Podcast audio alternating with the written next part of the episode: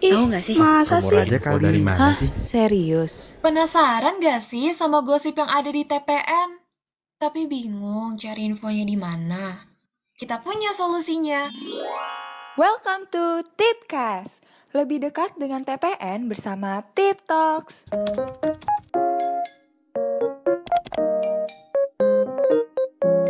Halo Akang Teteh, di mana pun kalian berada, selamat datang di Tip Talks episode 5.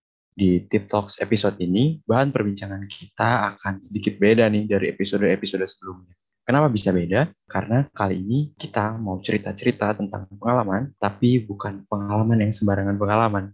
Karena kita sekarang mau cerita tentang pengalaman yang ngeri-ngeri atau horor gitu. So, jangan ke mana-mana, siapin snack dan selimut Akang Teteh, pastikan Akang Teteh merasa aman dan nyaman karena kita gak akan pernah tahu siapa atau apa yang sedang mengawasi kita selama kita dengerin Tip Talks episode kali ini.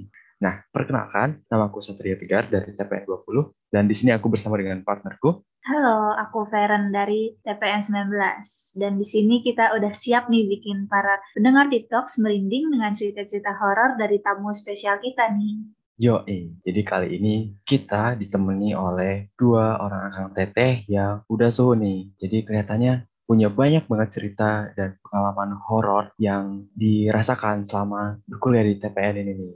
Boleh langsung kita sambut ada Teh Mita dan Kang Habil. Halo semuanya, aku Mita dari TPN 2018. Halo semuanya, kenalkan aku Habil dari TPN Angkatan 2020. Halo Temita, halo Habil.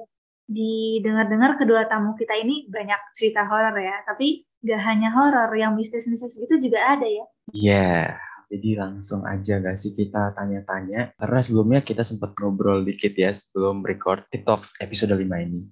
Jadi katanya Teh Mita ini punya pengalaman yang serem sewaktu melaksanakan malpun.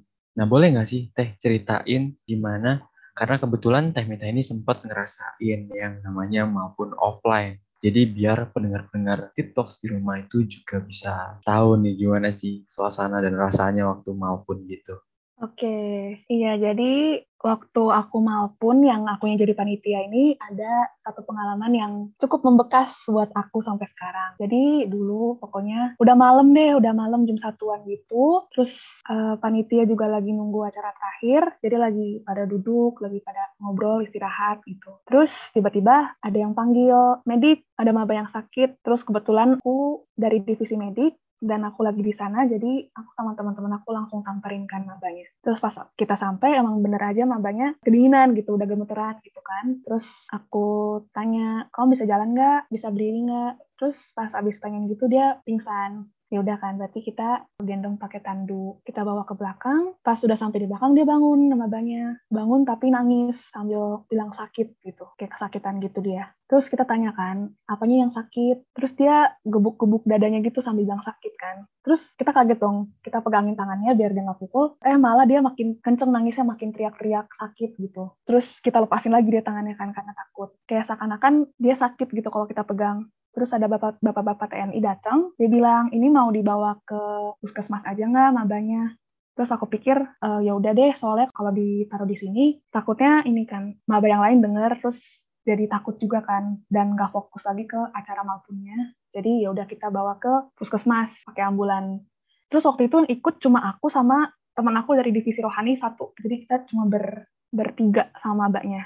Terus di ambulan aku sama teman aku nangis kan karena takut banget kayak nggak tahu ini kenapa masih kaget juga kitanya sambil baca doa gitu. Pas nyampe di puskesmas itu kan udah malam jadi emang sepi dan gelap banget kan udah jam satu soalnya. Terus kita bawa mabanya masuk ke puskesmas kita taruh di kasur terus si bapak TNI-nya ini berhasil nenang si mabanya. Udah tenang terus udah bisa diajak ngobrol juga udah dikasih teh hangat juga terus karena si bapak TNI-nya pikir oh nih mabanya udah sadar kok udah udah membaik gitu jadi si bapaknya pergi lagi balik ke tempat tadi, tinggal meninggalkan kita bertiga di sana. Terus teman aku kan masih ngajak ngobrol kan, jadi aku keluar, aku muter-muter puskesmasnya lihat ada orang nggak sih di sini. Tapi kosong, bener-bener kosong di sana nggak ada satpam, nggak ada nggak ada satu orang pun, jadi emang cuma kita bertiga doang di puskesmas itu. Terus aku balik lagi kan ke kamar, si mabanya ini udah nangis lagi sambil teriak-teriak lagi. Terus karena aku sama teman aku panik, ya udah kan teman aku baca doa, terus aku juga langsung keluar. Siapa tahu masih ada si bapak TNI tadi kan. Terus bapaknya udah nggak ada, ambulannya juga udah nggak ada, udah balik lagi pokoknya. aku langsung telepon teman-teman aku kan, panitia yang lain maksudnya. Terus um, karena itu udah malam dan udah lanjut ke acara selanjutnya, panitia kan pada sibuk juga ya, jadi nggak ada yang sempat ngecek HP. Jadi aku telepon, aku chat juga nggak ada yang bales. Ya udah aku pasrah kan. Terus pas lagi telepon-telepon gitu, tiba-tiba hening, udah nggak ada suara teriakan sama nangisnya lagi. Aku takut dong. Jadi aku langsung balik lagi ke masuk ke dalam. Pas aku nyampe di pintu, si mabanya ini lagi liatin aku. Tapi dia udah tenang, benar-benar tatapannya kosong banget gitu kan liatin aku. Terus si teman aku panggil, Mit, dia mau ke WC gitu. Terus aku bilang, oh tunggu sebentar ya, aku cek dulu. Itu aku emang pengen ngecek WC-nya karena aku takut kan kalau bawa ke WC terus kenapa-napa. Terus bener aja aku pas lihat WC-nya itu gelap terus kayak benar-benar nggak mendukung deh. Jadi aku nggak berani buat ngajak dia ke WC aku balik lagi terus aku bilang enggak ya ntar dulu tahan dulu ntar lagi aja. Terus dia bilang enggak dia maunya sekarang. Terus aku bilang lagi kan enggak pokoknya habis kita adu ngomong gitu terus dia nangis lagi. Nangis terus teriak lagi ngebrontak lagi. Terus ya udah aku sama teman aku cuma lihat-lihatan aja. Terus untungnya pas lagi itu temen aku ada yang bilang dia otw uh, eh, ke puskesmas juga Terus pas nyampe, ada teman aku yang dari divisi medik, terus dari divisi rohani, sama ada kader, sama ada satu uh, cutting angkatan 2017. Si cutting ini emang udah biasa kayaknya untuk menghadapi hal-hal seperti ini, jadi aku cukup tenang pas ada dia. Pas mereka datang, si cutting angkatan 17 ini langsung baca doa sama coba ngusir kan. Coba ngusir, terus kayaknya cukup berhasil, terus diajak ngobrol. Tapi satu teman aku yang dari divisi rohani ini nggak berani masuk pas ngeliat si mabanya kayak gitu jadi dia uh, ngajak aku ke depan puskesmas kan buat temenin dia. Terus ya udah aku ke depan terus ngobrol sama dia. Eh tiba-tiba lampu semua lampu mati, benar-benar mati, gelap banget. Lampu depan juga sedikit yang nyala jadi emang benar-benar gelap puskesmasnya mati semua lampunya. Tapi itu nggak lama sih, cuma kita dari takut aja kan takut kenapa-napa. Tapi pas kita balik ke dalam udah nggak kenapa-napa sih, mabanya juga udah sadar, udah diajak ngobrol dan akhirnya dia istirahat. Udah deh itu Terus pokoknya aku juga belum tahu kan, pokoknya setelah itu baru diceritain katanya emang di tempat maupun itu ada makhluk yang namanya si merah. Jadi kemungkinan si Maba ini um, pas lagi nunggu tuh bengong dan pikirannya kosong. Jadi ya gitu deh, mungkin seperti itu. Ih, serem banget ya. Cimita langsung sih. langsung ngerasain juga gitu loh di TKP. Iya kebetulan banget aku yang ada di sana jadinya. Berarti diusirnya sama si cutting ini ya teh ya? Iya, kemungkinan seperti itu. Wow, si Merah ngajak main sih. ngajak mainnya agak menyeramkan ya. Iya, mungkin dia kesepian. Tapi ngeri juga. Dan ini kan ada momen di mana Temita tuh cuman bertiga gitu dan terisolasi kayak di tempat puskesmas gitu ya. Iya, benar-benar nggak ada orang juga di sana. Terus jauh juga kan dari tempat malpunnya itu. Jadi ya cukup takut. Tapi aku jadi kasihan juga deh sama mabanya karena dia nahan kencing bahwa Iya, ya. aku juga jadi nggak enak, tapi kan takut. oh iya, tapi sebelum lanjut nih, aku mau nanya nih, menanggapi kayak hal-hal mistis kayak ini tuh takut atau yang kayak uh, penasaran atau oh. yang malah gak takut dan gak percaya gitu, skeptis gitu. Oke, okay. aku sih sebenarnya orangnya percaya cuma aku lebih ke cuek ya. Maksudnya ya udah kalau emang ada ada mereka gitu ya aku percaya sih. Cuma kalau mereka nggak ganggu dan nggak itu ya udah aku cuek-cuek aja gitu. Cuma kalau emang kebetulan ngeliat atau merasakan atau kayak yang aku pas maupun ini ya udah hadapin aja gitu. Ya oke okay, oke. Okay. kira juga sih. Kalau aku sih lebih tipe orang yang penasaran gitu sih. Jadi sebenarnya aku cukup kayak tertarik gitu loh dengerin ceritanya Tamita gitu karena kayak sebenarnya aku dari diriku sendiri malah kenapa ya pengen gitu merasakan situasi kayak gitu tapi kayaknya mending jangan gak sih gak usah aneh-aneh sih yo Wah, kalau begitu siapin aja nih kali ya buat angkatan-angkatan berikutnya yang bakal maupun. Ya, buat siapin mental dulu aja ya, Teh. Iya, betul. Nah, selain maupun nih, yang paling aneh-aneh tuh juga kosan gak sih? Apalagi kayak di Nangor tuh kosannya juga ada aja gitu ceritanya. Tapi ngomongin kosan, si Habil juga ada nih cerita tentang kosan waktu PKL. Betul, Bil? Iya, betul. Ada nih. Uh, aku ada cerita juga nih tentang kosan. Ini berkaitan dengan kosan. Tapi sebenarnya kosannya ini aku nggak di Jatinangor nih lokasinya. Ini lokasinya ada di Cilengsi. Jadi waktu itu aku ngekos karena aku lagi PKL. Mungkin ini juga nanti akan dilihat sama teman-teman yang ngekos di Jatinangor mungkin ya. Jadi di sini posisinya aku tuh ngekos bertiga sama teman-teman aku. Jadi satu kamar bertiga. Posisinya ini kita baru ngekos awal-awal. Kita belum tahu lingkungan sekitar kosan, kita belum tahu apa-apa karena kita juga masih awal-awal. Nah waktu itu pulang PKL, kita tidur, terus tengah malam tuh kita sedikit keganggu karena ada satu suara. Setelah diteliti-teliti lagi, kita dengarnya apa? Ternyata suaranya itu mirip sama suara anak ayam. Nah, mungkin kalau misalnya teman-teman tahu gitu, semuanya mungkin yang dengar, kalau aku nggak salah, kalau misalnya dengar suara anak ayam tuh tandanya ada yang lagi lewat. Nah, waktu itu gimana ya? Suaranya suara anak ayam aja gitu. Dan yang dengar tuh bukan aku sendiri gitu. Teman aku juga bangun dan kayak sempet takut juga gitu. Terus kayak akhirnya karena apa ya? Supaya suasananya nggak takut, akhirnya kita sama-sama positive thinking kalau emang ada anak ayam di belakang gitu. Itu posisinya di belakang kosan gitu suara arah suaranya itu. Terus besok paginya nih setelah kita bangun gitu kita tidur lagi setelah dengar suara anak ayam itu. Dan kita bodo amat aja. Besoknya kita coba explore nih di belakang kosan ini ada apa. Dan ternyata secara mengejutkan di belakang kosan kita adalah kuburan. Tapi kuburan itu bukan tempat pemakaman umum gitu. Cuma ada beberapa kuburan tapi ya kuburan gitu emang ada batu nisan dan lain sebagainya. Dan setelah kita lihat sekitar-sekitar sama sekali nggak ada kandang ayam ataupun anak ayam. Jadi kayak kita nggak tahu aja gitu suara semalam itu anak ayam dari mana gitu. Atau mungkin suara emang beneran ada yang lewat atau mungkin gimana. Mungkin gitu sih kalau cerita aku pertama. Kamu waktu milih nih ngekos di situ kamu nggak tahu di situ ada kuburan Enggak. Jadi kebetulan karena di luar kota, kita tuh minta orang lain untuk cariin kosan. Minta salah satu pekerja yang udah dikerja di sana untuk cariin kosan. Di situ kebetulan harganya murah. Ternyata murah emang ada sesuatunya gitu. Terus kamu sama teman-teman kamu abis dengar itu, kejadian itu berlangsung kayak, oh ya udah weh langsung tidur aja atau gimana? Enggak, kita sempat apa? Karena apa ya? Karena aku salah satu orang yang suka iseng juga kayak ah, sedikit nakut-nakutin gitu kan. Sebenarnya aku juga takut waktu itu. Karena takutnya emang beneran nggak ada ayam gitu di belakang. Ternyata emang beneran nggak ada gitu. Ya kita bercanda-bercanda dulu kan. Kayak sompral gitu. Tapi nggak parah sih. Ah, positive thinking aja gitu kan ujung-ujungnya. Mungkin itu emang beneran ada anak ayam. Akhirnya karena udah tenang juga ya udah tidur lagi gitu. Lebih buat mencairkan suasana gitu nggak sih? Kayak biar nggak pada tegang semua ya. Iya betul.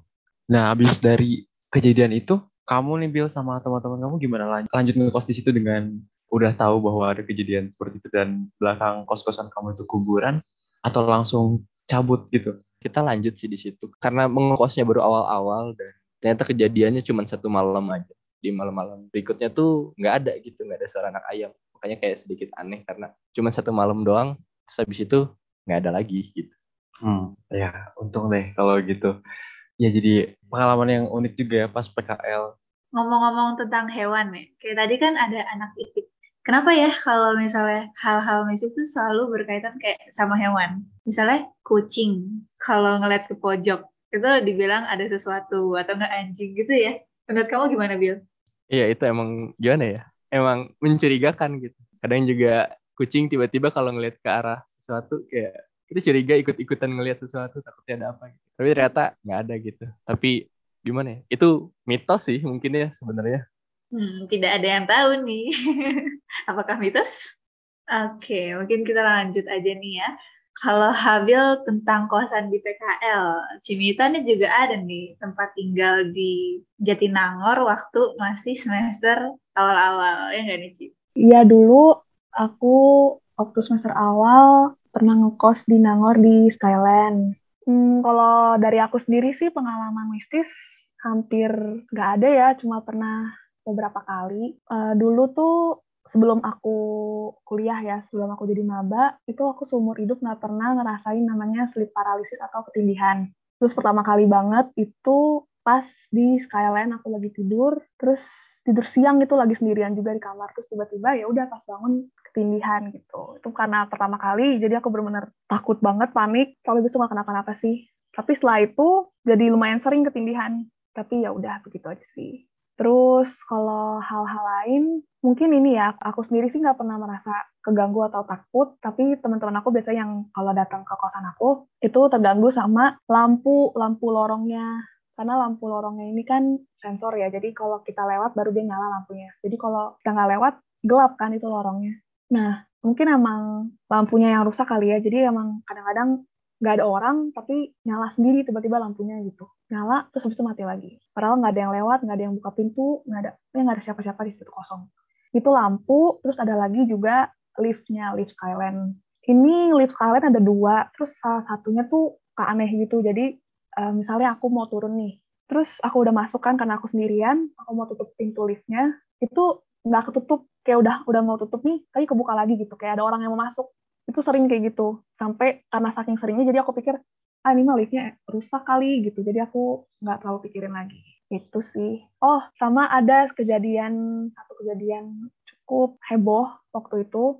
Jadi kan di Skyline suka ada acara gitu ya di lantai basement itu ada aula yang sering dibikin acara gitu pokoknya. Terus itu kejadiannya siang-siang sih. Aku lagi di kamar juga sama teman aku. Terus tiba-tiba rame teriak di bawah gitu rame banget yang teriak.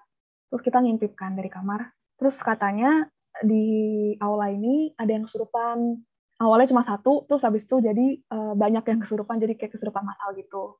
Terus kayak kaget kan kayak waduh gitu. Tapi ya udah terus dengar-dengar lagi katanya pas lagi kejadian, itu emang ada yang lagi ngelepasin arwah gitu di gunung mungkin ada hubungannya tapi nggak tahu juga udah sih gitu aja kalau di Skyland pengalaman aku Waduh, aku jadi merinding loh karena aku lagi di Skyland. Tapi emang sih, mungkin gara-gara cerita-cerita yang banyak ini, jadi kayak hawanya tuh beda ya. Di sekarang kayak entah, tapi merinding aja gara-gara lampunya, gara-gara liftnya. Iya, tapi emang dari cerita-cerita temen aku yang sering datang ke Skyline ya emang mereka takut gitu sama Skyline katanya serem. tapi kalau aku sendiri, aku nggak ngerasa sih. Jadi ya udah nggak apa-apa lah. Udah nggak ngekos juga, jadi semangat Feren. Iya, yeah, semangat banget nih Teh Feren yang lagi sendirian di Skyland. Ngomongin tadi itu Temita sering ketindihan ya. Kalau dari yang tindihannya itu kayak ada sosoknya kah atau gimana? Cuman nggak bisa gerak gitu. Oke, yang aku ingat yang paling pertama kali lah ya, paling teringat lah pokoknya. Um, jadi waktu itu aku lagi tiduran telentang, terus tiba-tiba bangun dan nggak bisa gerakan terus kuping aku tuh kayak apa ya kayak suara nging gitu kayak kenceng banget ya pokoknya ngingnya terus kayak ya udah terus di situ aku um, merasakan kayak wah ini kayaknya ketindihan deh gitu kan. Jadi aku juga tahu kalau teman-teman aku kan maksudnya yang pernah ketindihan bilang bisa ngelihat gitu kan bisa jadi ada sesuatu. Jadi aku nggak berani buka mata aku. Jadi aku cuma diem aja merem terus nggak bisa teriak juga nggak bisa gerak nggak bisa teriak cuma bisa denger doang kan jadinya. Terus uh, selain suara nging tadi gitu, aku sih dengernya ada yang ada yang ngomong gitu di samping aku kayak suara awalnya suara bapak-bapak, eh bukan suara kakek-kakek gitu kan awalnya. Terus lama-lama jadi suara cewek gitu. Terus udah deh kayaknya nggak lama aku bisa bangun. Terus takut. Ya, tetap ngeri banget sih. Kalau aku ngomongin ketindihan juga, sebenarnya aku pernah dan bukan pernah, sering mulai sering ketindihan tuh pas udah mulai masuk kuliah gitu. Jadi pas masa transisi dari SMA ke kuliah tuh sering banget ngerasa ketindihan. Mungkin karena capek gitu dan jadi diganggu gitu, nggak tahu juga ya. Cuman kalau aku ketindihan tuh bukan kayak hantu gitu tau yang sosok yang nindihin aku tapi kayak dikerubungin sama laba-laba atau serangga gitu jadi aku males banget dan takut banget kalau ketindihan tuh dan ngomongin ketindihan nih denger-dengar Habil juga punya pengalaman masalah ketindihan nih boleh diceritain gak tuh okay, kalau terkait ketindihan ini, aku juga apa ya? Aku juga cukup sering ngalamin. Cuman bedanya aku tuh ngalaminnya di rumah. Karena sebenarnya aku uh, rumahnya cukup deket juga dari Nangor, jadi aku nggak ngekos. Kalau ketindihannya ini, sebenarnya yang aku alamin tuh macam-macam gitu. Kalau mungkin tadi Temita nggak sempat ngeliat, kalau aku uh, sempat pernah ngeliat karena waktu itu aku belum tahu gitu kenapa sih ketindihan ini karena apa dan harus gimana cara ngatasinnya gitu waktu itu aku tidur aja gitu biasa malam-malam dan biasanya kalau aku ketindihan ini sebelum tidurnya tuh aku ketakutan dan aku nutupin sela-sela jendela kamar kayak gordennya itu supaya nggak ada celah kelihatan keluar gitu itu udah ada sugesti takut sebelum tidur gitu. terus aku tidur dan di tengah-tengah tidur aku bangun aku bisa buka mata tapi aku nggak bisa gerakin badan sama sekali. Entah ini sugesti aja atau enggak, tapi di ujung mata aku di bagian pojok ruangan itu aku ngeliat kayak ada bayangan yang tinggi gitu. Sebenarnya nggak tahu bayangan, nggak tahu apa, tapi pokoknya warnanya hitam aja. Warnanya hitam, tinggi dan kayak ya sebenarnya dia diem aja dan gak ngapa-ngapain, gak mengganggu banget gitu. Tapi kayak karena panik kan, jadi kayak aku nggak bisa gerak. Akhirnya panik, aku baca doa dan sebagainya, sampai pada akhirnya bisa sadar lah dari ketindihan itu gitu. Tapi sebenarnya itu cerita yang mungkin tahap-tahap awal yang menurut aku belum begitu serem. Mungkin yang menurut aku pengalaman aku yang serem adalah ketika waktu itu aku tidur uh, dengan kondisi yang sama aku ketakutan sebelum tidur. Terus aku tidur aja biasa dan aku tidurnya waktu itu enggak di kasur tapi aku tidur di kursi. Aku tidur terus bangun dan aku tahu nih gitu ini ketindihan gitu. Tapi aku nggak ngelihat sama sekali apa yang aku lihat sebelumnya hal yang hitam yang di pojokan ruangan itu aku nggak lihat sama sekali nih di ketindihan yang ini nah yang aku alamin adalah uh, ketika aku berusaha untuk sadar aku apa ya uh, mungkin terbiasa untuk membaca doa gitu aku baca doa baca doa ternyata ada suara di kepala aku juga bingung jelasinnya gimana tapi pokoknya uh, aku bisa dengar uh, dengan jelas ada orang lain yang berbicara gitu di otak aku dan apa aku dengar suara ketawa aku dengar suara anak kecil, aku dengar suara yang nyanyi-nyanyi juga ada. Dan ketika aku baca doa, biasalah mungkin uh, muslim baca doa-doa kayak gitu.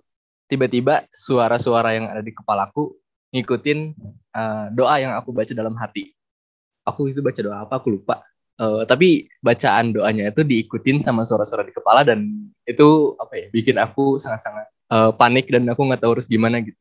Karena dengan cara yang biasa aku menyadarkan diri dari ketindihan itu nggak bekerja gitu di saat ketindihan ini. Akhirnya apa ya setelah akhirnya aku diem dan apa membiarkan suara-suara itu berisik di kepala akhirnya aku uh, nenangin diri dan akhirnya bisa bangun dari ketindihan. Mungkin itu sih kalau cerita ketindihan dari aku kita udah dapet tips nih ya dari suhu Habil kalau ketindihan berarti gak boleh ngapa-ngapain ya Bil ya? Iya betul. Kalau ketindihan tuh semakin gerakin badan, semakin keras badannya, semakin susah untuk gerak. Tips mungkin kalau kalau aku ya nggak tahu mungkin bisa diaplikasikan untuk yang lain atau enggak. Tapi kalau aku biasanya relaksin diri terus dibangun dalam sekali goncangan sampai bangun. Jadi biasanya berhasil sih kalau aku. Keren deh, udah kita belajar dari suhu Abil. Sebenarnya aku sendiri sih juga pernah ngalamin, tapi enggak se-expert Habil ya dulu. Aku mirip kayak Temita. Ini sih ceritanya waktu aku masih sekolah dulu SMP-an gitu. Lagi tidur siang loh padahal tapi sempat ketindihan. Kalau ketindihan yang jenis aku tuh lebih ngelihat ada bayangan anak kecil tapi nggak bisa gerak sama nggak bisa gerak ngelihat bayangan terus bayangan anak kecil itu kayak lagi loncat-loncat di kasur jadi aku ngerasa kasurnya gerak tapi aku nggak bisa gerak gitu sih. Terus anak kecilnya kayak agak ngobrol tapi aku kayak berusaha tidak mendengarkan obrolan itu karena horor banget itulah serem. Tapi ya caranya memang kalau aku waktu itu sih pasrah aja sih. Sempet ngelawan tapi pasrah dan habis itu kayak langsung lepas. Kejadian begitu tuh kayak udah dua sampai tiga kali. Tapi mungkin karena efek kecapean juga. Tapi kalau misalnya kayak aku tidur siang biasa gitu enggak jarang. Kalau misalnya kayak bener-bener kejadian itu kalau misalnya abis capek misalnya sekolah kebanyakan sih abis eskul kalau kecapean gitu. Ada tapi aku insecure sama cerita aku. Habil lebih pro. Nggak apa-apa tahu. Itu anaknya kayaknya pengen ngajak Teveron main gak sih? Aduh nggak dulu tolong. Tidak. Iya kasihan dia nggak punya temen. Harusnya Teveron ajak main gitu. Yuk aja deh. Aku skip ya gitu deh cerita-cerita dari teman-teman kita yang punya banyak pengalaman horor atau mengerikan mulai dari gangguan di kosan dan apartemen, ketindihan dan lain-lain. Ini udah gak kerasa kita udah lama banget cerita-cerita tentang hal ini. Jadi mungkin ceritanya akan dilanjutkan di episode-episode selanjutnya.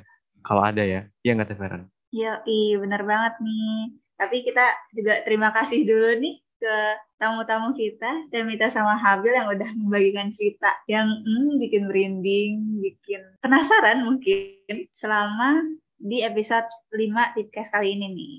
Aku juga mau ngucapin terima kasih karena sudah diundang ke Tip Talks episode 5.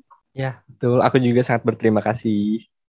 Ya, yang pasti ditunggu lagi nih cerita-cerita dari Kang Habil dan Teh Mita karena aku yakin masih banyak cerita-cerita yang belum disampaikan dan kita semua penasaran untuk mendengarkan cerita-cerita itu. Jadi buat teman-teman yang pengen tahu kelanjutan atau kisah-kisah menyeramkan lain, entah itu di TPN atau pengalaman-pengalaman pribadi, boleh langsung aja tanya ke Kang Habil dan Teh Mita langsung. Yoi, betul banget guys. And thank you juga buat pendengar setia TikToks. Dan see you di episode TikTok selanjutnya. Bye-bye. Bye-bye. See you all. Thank you for listening Tipcast only on Spotify.